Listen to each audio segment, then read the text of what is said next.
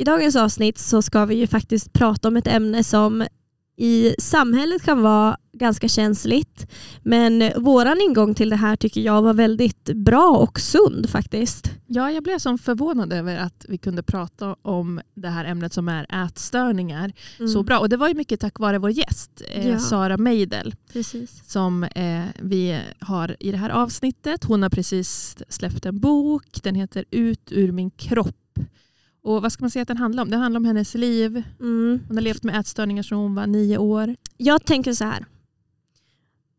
Det vi pratar om med henne är ju mycket hur det faktiskt är att leva med en ätstörning men också hur hon såg på sig själv genom sjukdomen och det tycker jag var en jätteintressant synvinkel för det har inte jag kommit nära förut genom liksom andra böcker eller att läsa Mm. på, på internet. Och sen är ju Sara också kulturjournalist på VK. Så jag passar ju också på att ställa lite frågor om hur man skriver en bra recension och sådana saker. Och det var ju jättespännande att få höra. Men nu ska inte vi spoila hela avsnittet utan nu får ni lyssna. Exakt.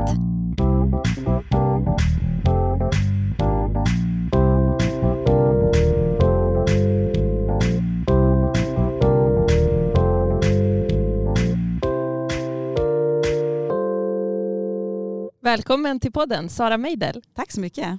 kulturjournalist på VK i Umeå och nu även författare. Ja, författardebutant. Mm. Du har eh, släppt boken precis igår.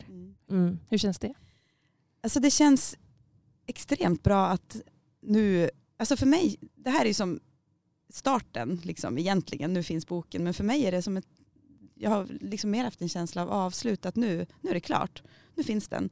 Nu, egentligen behöver inte jag prata så mycket mer, utan nu finns boken, nu, nu kan ni läsa. Mm. Så. Och så kommer vi här och bara, kan Ja, du prata kan om boken? Fast det är fint också, det är jätte, alltså, Mm. fan- fantastiskt såklart.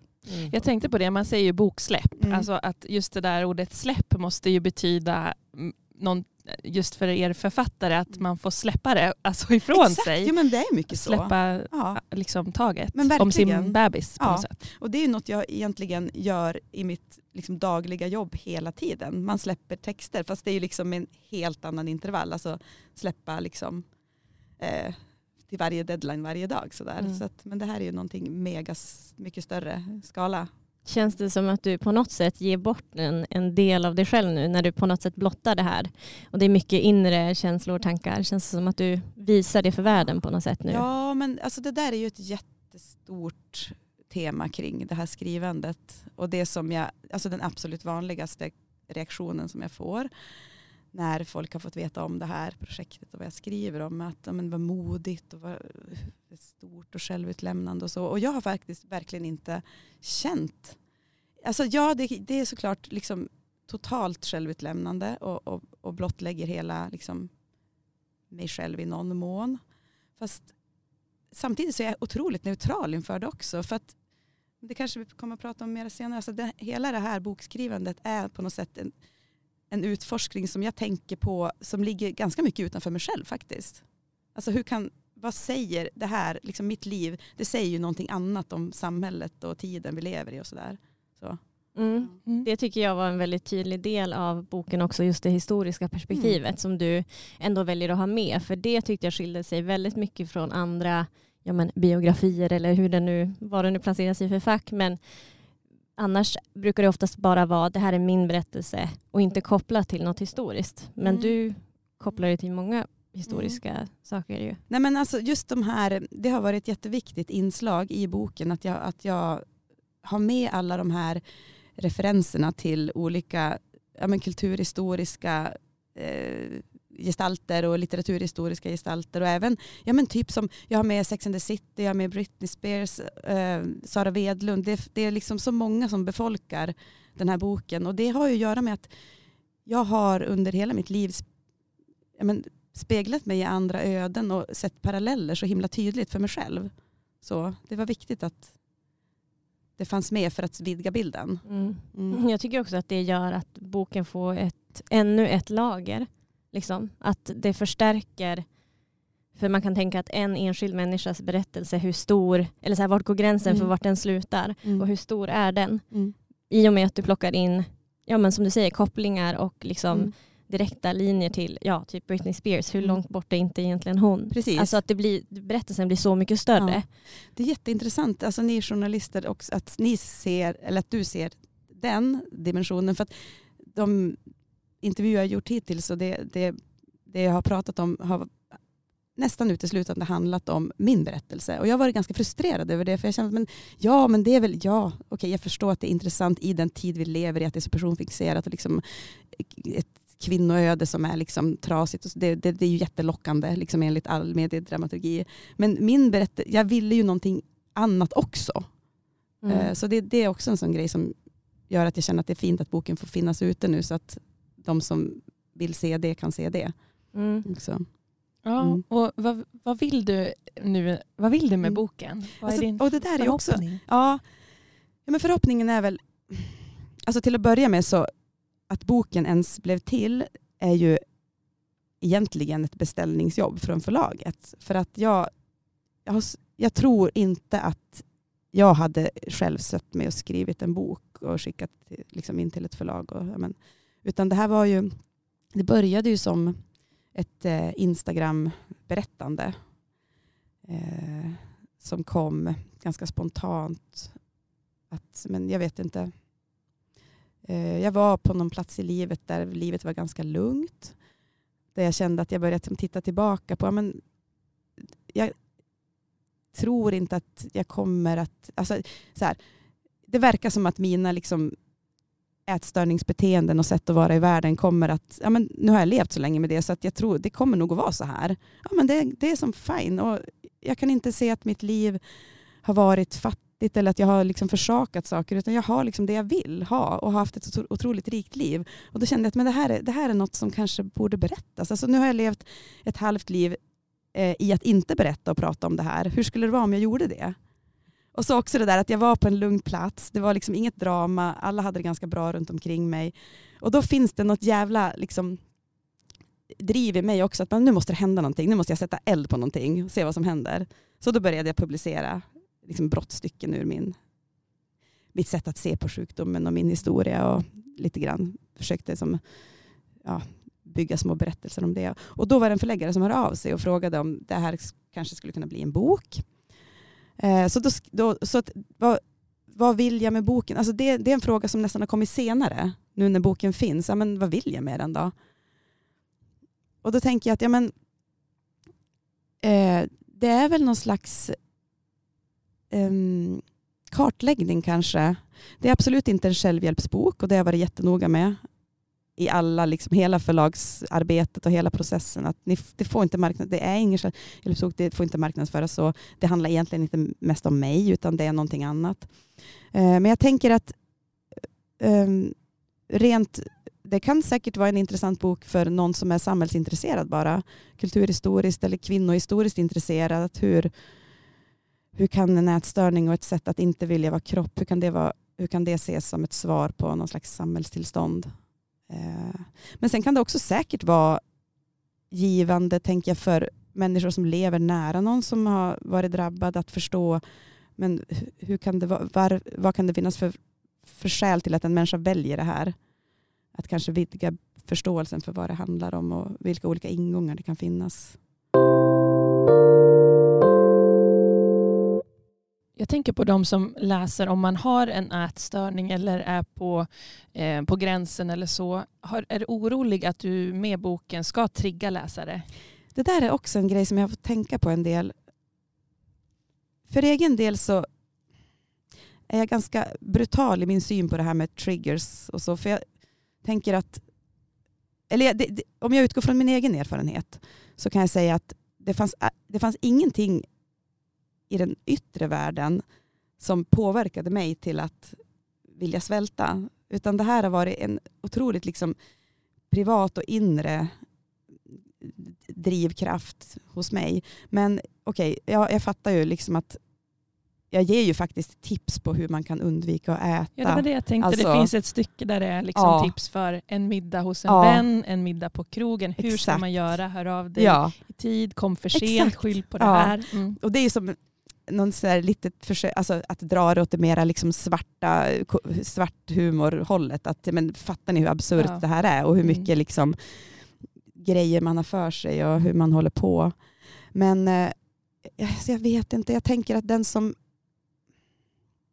den som, den som skulle kunna vara skör och, och bli påverkad av en sån här text, den är nog redan där tänker jag.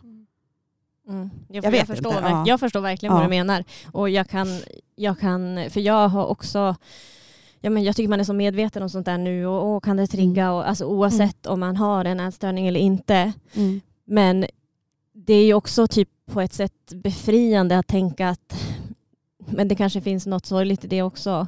Men det som en person har bestämt sig för ska hända kommer ändå hända. Ja, Alltså- så, så tänker jag lite grann. Att det inte är upp till om det skapas en till bok eller Mm. om ett, en person på sociala medier på, alltså, visar en till bild. Den kommer ändå hitta dit. Jag tror det.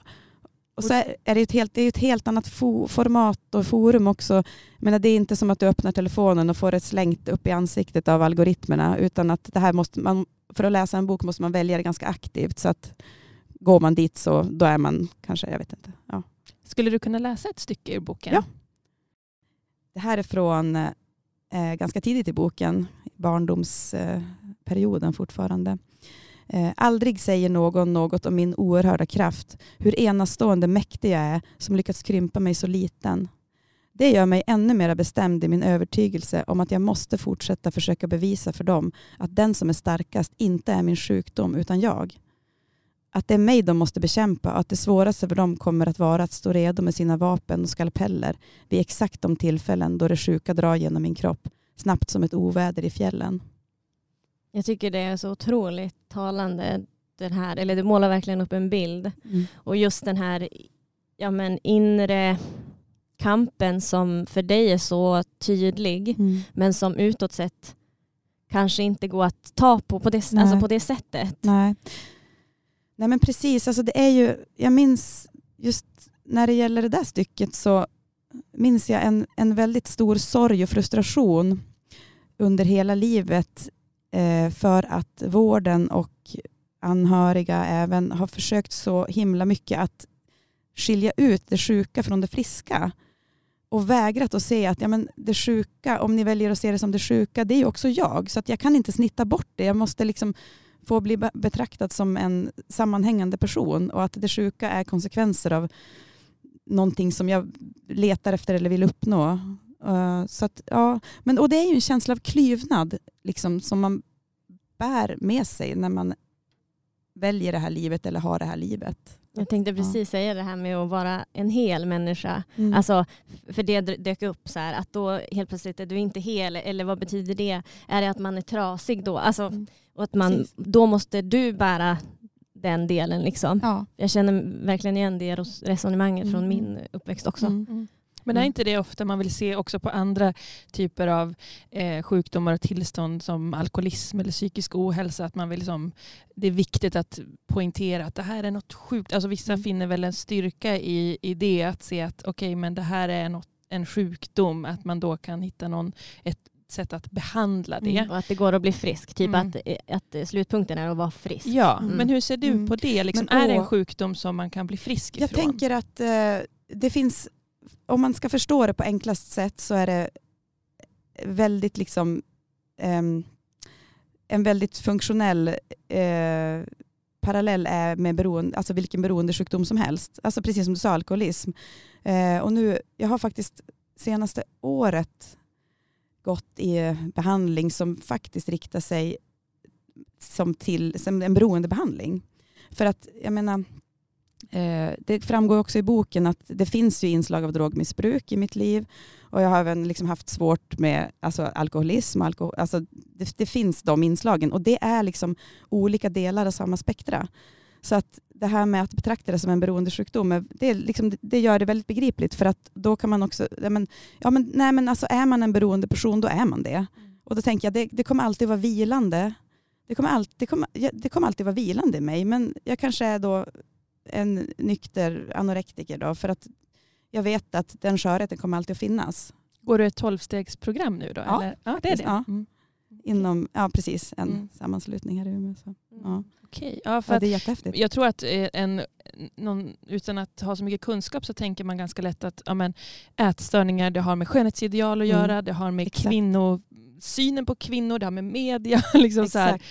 Alla de där grejerna, bantning, träning, det är Mm. där vi rör oss. Liksom. Och kanske att, att man ska få tjejer, det killar har ju också ätstörningar, men att man ska få unga att eh, tro på sig själva och inte behöva banta. Alltså, du är fin som du är, att Ja, man hamnar där. Verkligen, och det är Mm. så fel. Eller jag menar, nu ska jag vara ödmjuk och säga, det, det kan absolut vara en ingång till anorexi och ätstörningar för väldigt många. Men jag tror att för väldigt, väldigt många så är det absolut inte det som är det primära. Och för mig, det, för mig har det aldrig någonsin, alltså två grejer, det har aldrig någonsin handlat om någon önskan om att vara smal. Aldrig. Och aldrig någonsin någon, någon önskan att inte vilja leva. Utan det är exakt tvärtom. Alltså jag, jag ville bara hitta ett sätt för mig som funkade att leva. Och då är liksom utmärglad kropp, ja, men det kan vara en konsekvens av det. Och att man hamnar någon slags i dödens gränsland, det är också tyvärr en konsekvens av det. Men alltså, drivet är att hitta ett, ett sätt att leva. Eh, så verkligen. Det är faktiskt den här frågan eller det här ämnet har jag funderat mycket på, särskilt eftersom jag har varit mycket i början av boken. Eh, och jag hade en fråga här som där jag liksom i mitt huvud, jag förde ihop ditt resonemang i mitt huvud, men i boken så det här logiken, jag vill bara förstå logiken bakom, för då är det så här ett quote att det gör mig mycket trött och förtvivlad att det inte är uppenbart för alla att det jag mest vill är att leva. Mm. Och då var det så här i mitt Ja. huvud, okej vänta, du svälter dig själv för att leva fast du förstod att det förde dig närmare Ja, döden. ja. Och så bara, hmm. För då vill jag förstå, Exakt. vad, eller så här, vad blir ditt, hur, hur blir det Mm. din överlevnadsstrategi? Ja, alltså det där är så himla intressant för att jag kan också själv, när jag liksom presenteras för den här icke-logiken i sjukdomen så blir jag så här, men det är ju sjukt, alltså det där är ju jättekonstigt. Fast det, för mig är det också, det, det fanns en så himla tydlig logik i det och det handlade om att när jag är i 8-9 års åldern så, så börjar jag liksom drabbas av någon slags panik över växandet och att det verkar vara helt ohyggligt svårt att vara vuxen och det verkar vara extremt jobbigt och hemskt att vara kvinna. Jag visste liksom inte hur man skulle göra det och det kändes som bara, jag vet inte om jag vill det. Och då enligt barnets logik då, ja men vad kan jag göra för att ta makten över det? Jag, kan, jag fattade ju någonstans att jag kommer ju behöva växa upp någon gång, men jag vill fördröja det. Så att jag slutade äta och tänkte att ja, men, om jag håller kroppen liten så hinner jag liksom fundera ut hur det ska bli, hur jag ska göra. Och det blev ju liksom en lösning som jag kände, men det här funkar ju. Jag bromsade liksom, det, var, det Mm. kommer inte att inträffa någon pubertet så länge jag är så här underviktig.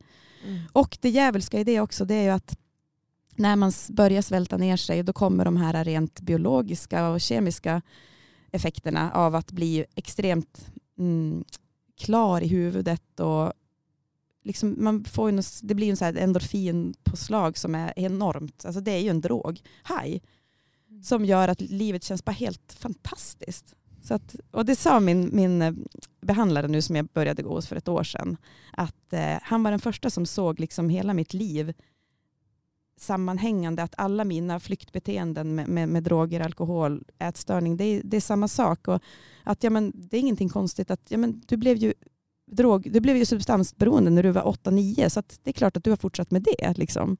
Ja.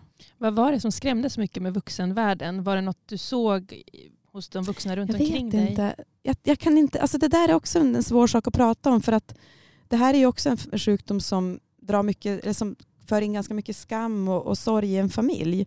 Och för föräldrar så känns det ju såklart som ett totalt misslyckande att ens barn vill svälta ihjäl. Liksom. Eh, men jag kan säga, jag, jag, har liksom, jag hade en otroligt fin barndom, liksom en stabil familj, fina syskon och det var, jag minns inga sorger eller liksom vi bodde i ett hyreshus med jättemånga andra barnfamiljer och det var liksom tryggt och bra på alla sätt. Så det kan inte jag se. Där, där kan jag bara se att det var någonting med att omvärlden eh, på något sätt ehm, um, trängde sig in. Och det här med kvinnovarandet. Jag tror att ja, men jag nämner i början så här, Lili och Susie i någon intervju. Alltså det, det, det finns, alltså för att det är också en grej med man kan tro att man kan skydda sina barn, att familjen är ett liksom isolat. Men världen finns oavsett och det kommer att påverka en individ. Så jag tror att det var någonting med jag vet inte, att vara någon slags um, bytesdjur minns jag någon känsla av att men ska min, jag vet inte, att äldre killar börjar tänka på som nästan potentiella hot. Jag var inte utsatt för någonting. Liksom, det var kanske så här gränstillstånd som jag skriver om i boken, min kompis storebror som närmade sig mig på något sätt som kanske var lite gränslöst. Men som inte gick över gränsen. Men som sådana många olika faktorer. Mm. Han lyfter upp dig och tar in dig i sitt rum Ja. och låser dörren Ja. och visar vapen tror jag. Ja eller? men typ. Ja, Ja, man, när man läser tror man att det ska hända något sexuellt. Men det gör exakt. inte det. Nej. Och du vill alltid kunna bli upplockad skriver du då Ja, i boken av den här exakt, stora ja. brorsan. Ja. Ja.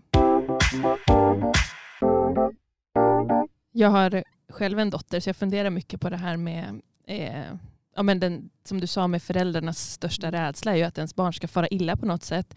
Eh, hur tänker du också som mamma kring det här med att föra vidare dina problem till Mm.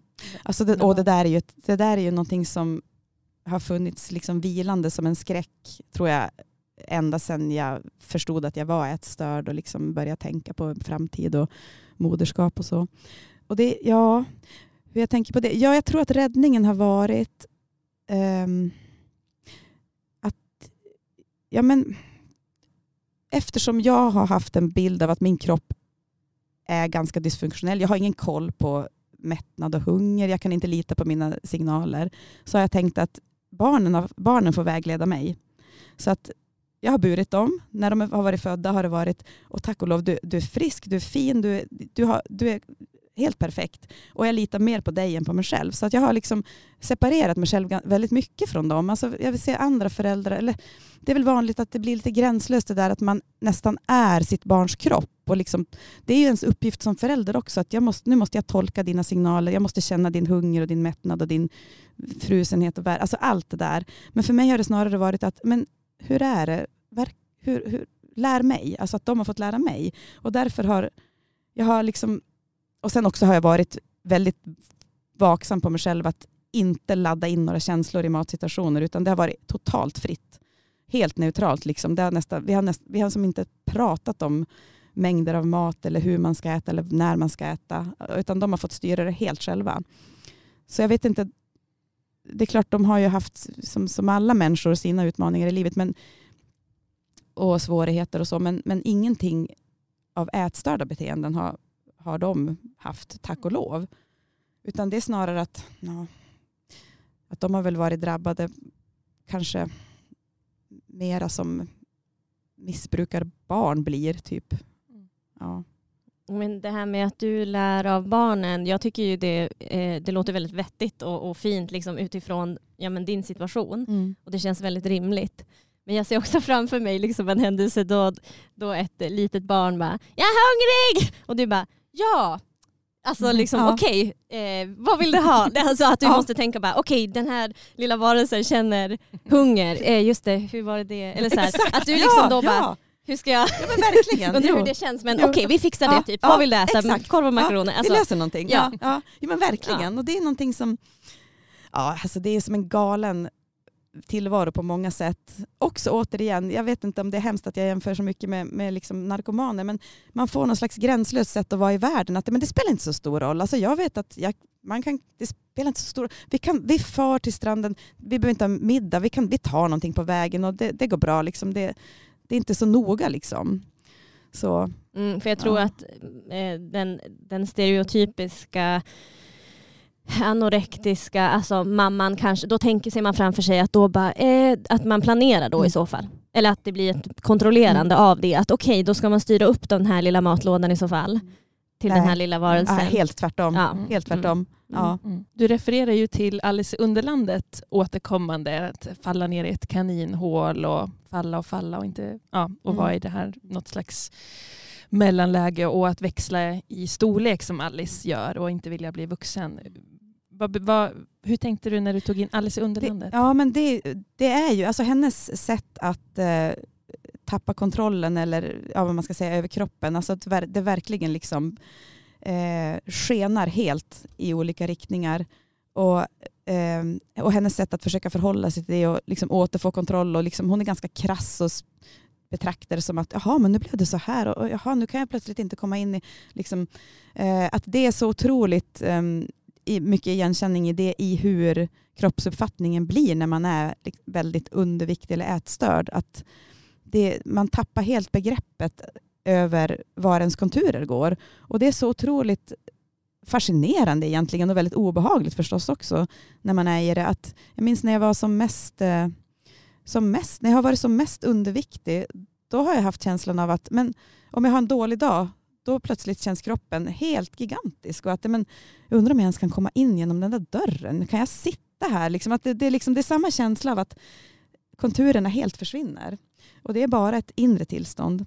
Men sen också finns det i Alice-parallellen ganska mycket kring, det är ju något väldigt hotfullt i hennes, det är, det, det, det är en extremt hotfull berättelse om den här flickan som liksom kastas runt på något sätt i, Bland galningar. bland galningar. Mm. Ja.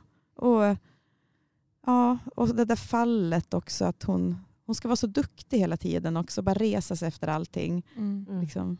Men ja.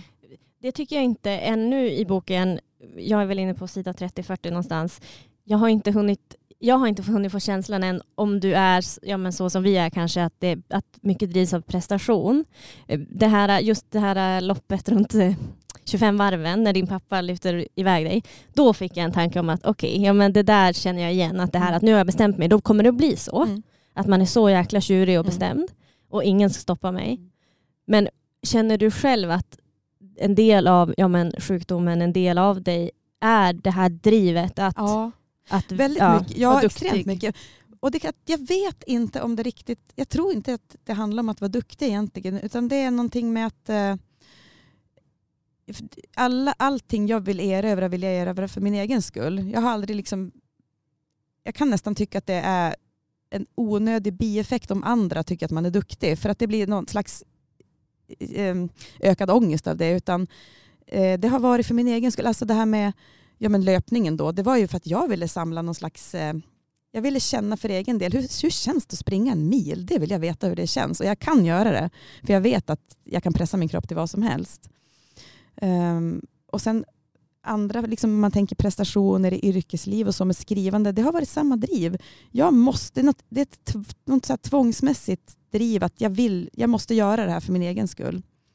Och det är också någonting som man blir lite knäpp av om man har erfarenheten av att lyckas svälta sig nästan till döden. Det krävs en jävla styrka för det. Det, det, det är otroligt svårt. Alltså man behöver vara, bli väldigt stark.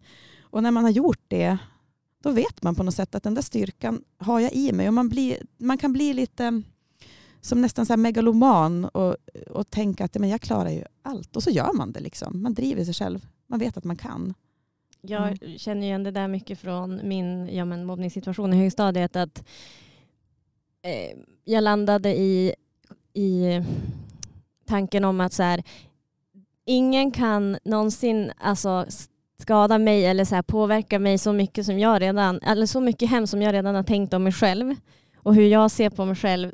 Alltså att det blev en styrka i att Ja. jag har redan tryckt ner mig själv så mycket i det. Att typ vad någon annan än säger och hur mycket ångest jag får av något, typ, så vet jag ändå att jag kommer klara det för att jag redan varit där förut. Ja, Och det känns som att det finns någon liknelse verkligen. i det. Ja, ja. Ehm, i- ja. ja, det är som ett grejen. enormt... Det är som en... Och det blir ju en jäkla Ja, styrka och du kan hämta kraft från det. Ja, verkligen. Så. Ja. Mm. Ja, ångest är ju intressant. Hur, hur, hur mycket ångest har du i din ätstörning? Inte så mycket nu faktiskt alls. Utan just nu är jag på en väldigt, så här, väldigt bra plats när det gäller just det. Och ångesten kring ätstörningen. Jag vet inte om... Om man, har, om man är i ett sjukdomstillstånd som är liksom en, om man ska kalla det så för fungerande anorexi, där jag har kontroll och sjukdomen lever ganska, liksom, ta, har mycket plats. Då, då upplever man väldigt lite ångest. Därför att då är det ju, liksom, då är det ju under kontroll. Då är det ju som, som jag vill ha det. Ångest, eh, de, de ångesttillstånden de är ju starkast i de skeden då man försöker bryta ätstörningen och, och gå in i en högre grad av friskhet. Att det här med att utmana eh, skyddsrummens vallar och så, det är ju det är ångestskapande. Och också i de perioderna av liksom självinsikt och självrannsakan när man börjar titta tillbaka. Att, men vad fan, liksom, hur har jag, vad, har jag liksom, vad har jag försakat? Hur har jag varit egentligen? Det är ju väldigt mycket ångest. Oerhört. Alltså det är ohyggligt jobbigt.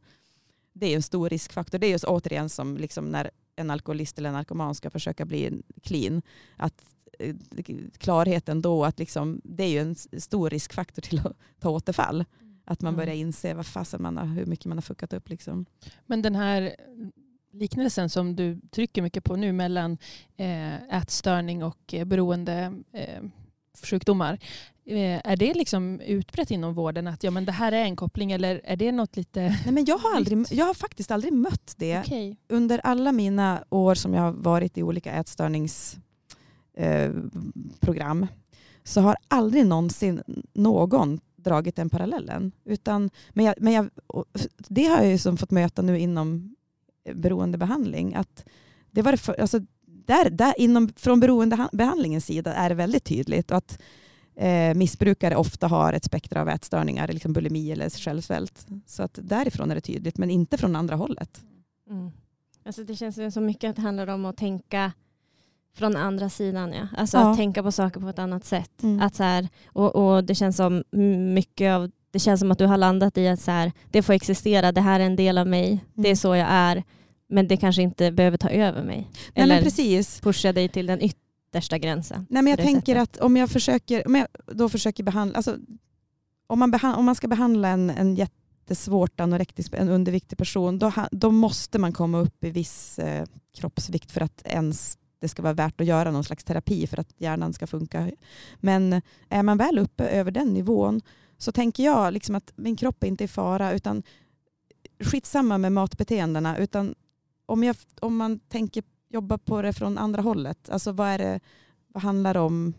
Varför, varför behöver jag det här som en flykt? Och liksom, då kanske det andra löser sig lite av sig själv. Eller det får göra det eller inte. Liksom. När upptäckte du att du ville bli journalist? Åh, jag, åh, det är så himla svårt att säga någonting. Jag tror att jag alltid har vetat det. Jag tror att jag alltid har, jag tror jag, jag har nog alltid gjort, gjort journalist, gjort, gjort journalist, varit journalist. Alltså jag tror, det låter kanske pompöst, men alltså man titt, spårar liksom hur jag var när jag var liten. Så, ja, men jag, jag skrev om saker jag såg. Jag hade en liten bok som jag ja, men till och med redaktörade ihop små liksom, kulturuppslag kan man säga nästan. Att liksom, observationer och intryck som jag hade och så. Eh, så det är nog någon slags eh, med, medfödd grej eller förvärvad grej under uppväxten. Jag tror att också det är väldigt intimt sammanknippat alltså med eh, anorektiska erfarenheten. Det kan man, det kan man liksom nästan se väldigt så här schematiskt nästan att ja men okej, jag blev anorektisk, jag isolerade mig, jag kunde liksom inte upprätthålla några vänskapskontakter under hela uppväxten egentligen, liksom mer eller mindre. Ja, så. Vad blir man då? Men man blir ju en outsider och man rör sig i sina egna kretsar och man blir som en betraktare av omvärlden. Och går runt och kollar liksom vad andra gör, observerar mänskliga beteenden och så. Och så hade jag ju alltid det där med skrivandet med mig hela tiden också. Och eh, vad sökte jag mig till istället för mänskliga relationer? Men jag sökte mig till kulturen. Jag satt på biblioteket, jag gick på konst och jag var på akvarellkurser. Alltså det, allt sånt fyllde jag på med. Och allt det där i någon slags hybrid av det jag gör nu. Så att det, det är som någonting som ändå har varit mitt naturliga tillstånd på något sätt. Har skrivandet också varit ett sätt för dig att så här, make sense av dig själv och typ den här yttre Ja. och inre världen tänker jag. Verkligen. Men, och det tror jag också är, men det är väl något som är allmängiltigt för journalister. Att man skriver såklart för en publik och läsare och lyssnare men också för sig själv för att förstå världen. Det tror jag måste vara en drivkraft. att Någonting i att görandet av text eller liksom innehåll är väldigt tillfredsställande för att nu förstår jag det bättre. Det är ju väldigt slående i boken också hur du beskriver situationer från barndomen så himla detaljerat och du har ett otroligt vackert språk och då tänker jag du måste, det här är inte något man bara sätter sig och börjar minnas när man är vuxen. Skrev du dagbok när du var Nej, liten eller hur, där, ja, hur minns precis, du? Nej, det där är intressant för jag har, jag har inte ens, jag har in, inga dagboksanteckningar. Okej. Men jag tror, eller det måste vara så, eller jag vet att det är så att eh, eftersom jag har hela tiden bara försökt att förstå mig själv. Alltså, för att det är ju på många sätt obegripligt för ett barn och en tonåring. Alltså att varför blev det så här för mig och varför gör jag så här? Så har jag, för, så har jag hela tiden gjort ganska mycket självanalys och, eh, och då blir det som ni vet med alla berättelser som traderas om och om igen att det lever hela tiden i en. Och man tänker, ja men hur var det då? Ja men just det, det var ju när han och, liksom, och då gjorde jag så. Så att det har nog hela tiden aktivt liksom hållits vid liv. Sparats. Ja. Mm, just det. Ja, Det är lagrat i dig oavsett om du hade Mm. fått ner det på pränt eller ja inte. verkligen. Mm. Mm. Vi ska ju bli journalister nu då, jag och Paulina. Vi pluggar. Och vem vet vart vi hamnar? Vi kanske Mm. hamnar inom kulturjournalistik. Och, eh, jag tänker på, jag som också kommer från scenkonstvärlden och har stått på scen och så här, är ju liksom intresserad av det här med recensioner. Och nu blir det liksom mer jobbfråga. Men hur, hur skriver man en bra recension? Jag menar, du går på en föreställning Mm. och så skriver du, jag läser ju det du skriver. Mm. Hur, hur, hur går du tillväga? Man ska ju inte bara berätta vad man har sett eller hur Nej, mycket precis. vad man själv tycker. Exakt. Ja, men det där är ju egentligen, jag tänker en recensionstext är ju någon slags unik eh, hybrid av ett eget konstnärligt verk och konsumentupplysning. Någonstans där ja, precis. möts. Ja. Ja. För jag menar, vi har ju ett uppdrag eh, att, för läsarna och lyssnarna att leverera eh, ja, men dels grundinformation om vad det faktiskt är. Vilka, ja. Men sen är det ju också en värdering, en kritisk värdering eh, av verket utifrån liksom någon slags yrke, alltså kompetens om sitt område. Men sen ska det ju också vara en, en text som kan läsas och som man ska kunna ha behållning av i egen rätt. Att, eh, Som du ska kunna stå för. Liksom, Ja, precis. Mm. och att, ja, men, tänk att em, den person som kanske inte var på föreställningen och om det är en föreställning som åker vidare och inte kan ses igen i Mm. stan så ska, så ska man ändå få ut något av att läsa recensionen. Att den, ska Mm. ge en, den ska ta det här verket och placera det på en arena som gör att det blir som relevant för även Mm. de läsare som inte kan se det. Ja, och de som kanske ska gå och se Ja, det. exakt. Du måste ju som Vad möta kan, ja, många. precis. Att inte spoila för mycket och liksom Ja. bara så här, eh, stämningar. Och, men vad, vad, vad är det, vad, vilka är de tongivande dragen i föreställningen? Mm. Och kan man tänka på någon koppling till något aktuellt i samhället just nu? Och, Just det. ja, För så. att det liksom den, den ensemblen eller den, den producenten som har gjort ett verk som du recenserar slår ju upp recensionen och Mm. skannar igenom. Du, Mm. du, du har ju en sån otrolig makt. Jag vet och det är otroligt läskigt. Ja. Ja, speciellt i ett lokalt sammanhang. Ja, För du det är- är du kommer- superviktigt ja. om du får en bra recension. Precis, och, du, Mm. och, och även den som skriver kommer ju att vara kvar i stan och kunna, Ja. ska kunna stå för. Liksom att, Du mö- och, Har du blivit mött någon gång på stan sådär och utskälld av någon? Nej. Faktiskt inte, utan det brukar komma på omvägar. nej, men oftast, nej, men jag tänker så här, det, det vanligaste är ju att eh, även om man är hård i recensionen, att det tas emot väldigt tacksamt. För att Mm. är man en, eh, skapar man konst så vill man ju ändå bli, man vill ju inte bli klappad på huvudet och liksom få en snäll, liksom, typ, som man skulle recensera en mellanstadieföreställning, utan man Mm. vill ju bli, liksom, det ska ju tas på allvar. Och i Just det ingår ju att bli sågad också. Så att ja men Mm. okej, nu blev det Mm. så. Men ja, Mm. Jag tänker mycket på min mamma när jag hör om det här för hon är alltid så noggrann. Jaha, men har du sett recensionerna? Och så ska hon alltid gå in och läsa om något och, och hon bildar sig alltså Ja. en rak och hon plockar in alltid det. Mm. mm. Alltså det, men precis. det den rösten säger. Nej, den, vart ju, den har fått jättedålig kritik av Ja. Mm. så vi borde inte gå och se den filmen eller den. Mm. Intressant, men då kanske hon följer, men för det finns ju också någonting i att följa enskilda skribenter, att man Mm. lär sig, ja, men jag Ja. vet vad Lars Berlin tycker, han Mm. gillar Mm. aldrig den här typen av, Mm. men jag gillar det. Så då Mm. kan man ändå filtrera och se att ja, men, Ja, och så kan det komma recensioner som står i motsats till varandra. Verkligen, ja. Och där kommer vi in på det här vikten av att ha en mångfald i medier. Alltså att, Mm. som Ja. till exempel att vi har två tidningar som också Mm. man kan få skilda röster och liksom, Ja. åsiktsbrytning. Mm. Jätteviktigt. Men Mm. om du går och ser någonting som händer att du går och ser någonting som rakt av suger och så jag, jag, det händer inte att om, om vi planerar, för att det har att göra med liksom, eh, den kritiska värderingen, att man recenserar inte allt, utan bara det att om, om vi har bestämt att vi, ska recensera de här föreställningarna den här månaden, då gör man det. Eh, f- för att eh, ja, men få den här, annars skulle det bara bli hyllningar. Utan Mm. man, ja, Mm, man vill ha liksom, Bredd. bredden. Ja. Ja. Mm, och det ska ju fortfarande vara ärligt. Alltså Ja. Det fyller ju flera funktioner bara än att ge praise. Precis, och det kan också säga någonting om den konstnärliga processen. Alltså, om det blev bara pannkaka av någonting, ja, men då kanske man måste betänka, men, för det finns ju också något så här, där är liksom kulturjournalistiskt uppdrag att granska kulturpolitik, men vad fick de för förutsättningar för att producera? Har det att göra med liksom yttre villkor, att det här blev så dåligt? Var det någon konflikt liksom i teamet eller någonting? Att, ja. Mm. Budget, allt Ja, möjligt ja, det ligger Ja, ju i eller det. någon klåfingrig teaterchef. Eller, jag menar, det kan Mm. vara ja, Mm. så många olika parametrar det där. Mm. Sara Meidel, din bok är ute nu och du har releaseparty om någon vecka. Mm. Vad, vad blir nästa steg för dig? Sitter du och knåpar på en ny bok? Alltså det ger ju blodad tand, verkligen. Jo, men, mm, ja, det finns ett litet roman, embryo, i min dator. Mm, wow. vad är men det, det för känns- tema? Ja, och det handlar, ja, det handlar, det handlar faktiskt också ganska mycket om alltså, kvinnlig underkastelse, kvinnlig, eh, mm, alltså den, en manlig maktordning. Mm. Alltså det, det, är nog ganska, det blir något ganska poetiskt om det Mm. blir. Ja, det känns alltid svårt att, liksom, det känns sådär pompöst att sitta och säga att man ska skriva romaner. Då måste man göra det också. ja, ja, liksom vad tror du? Ja.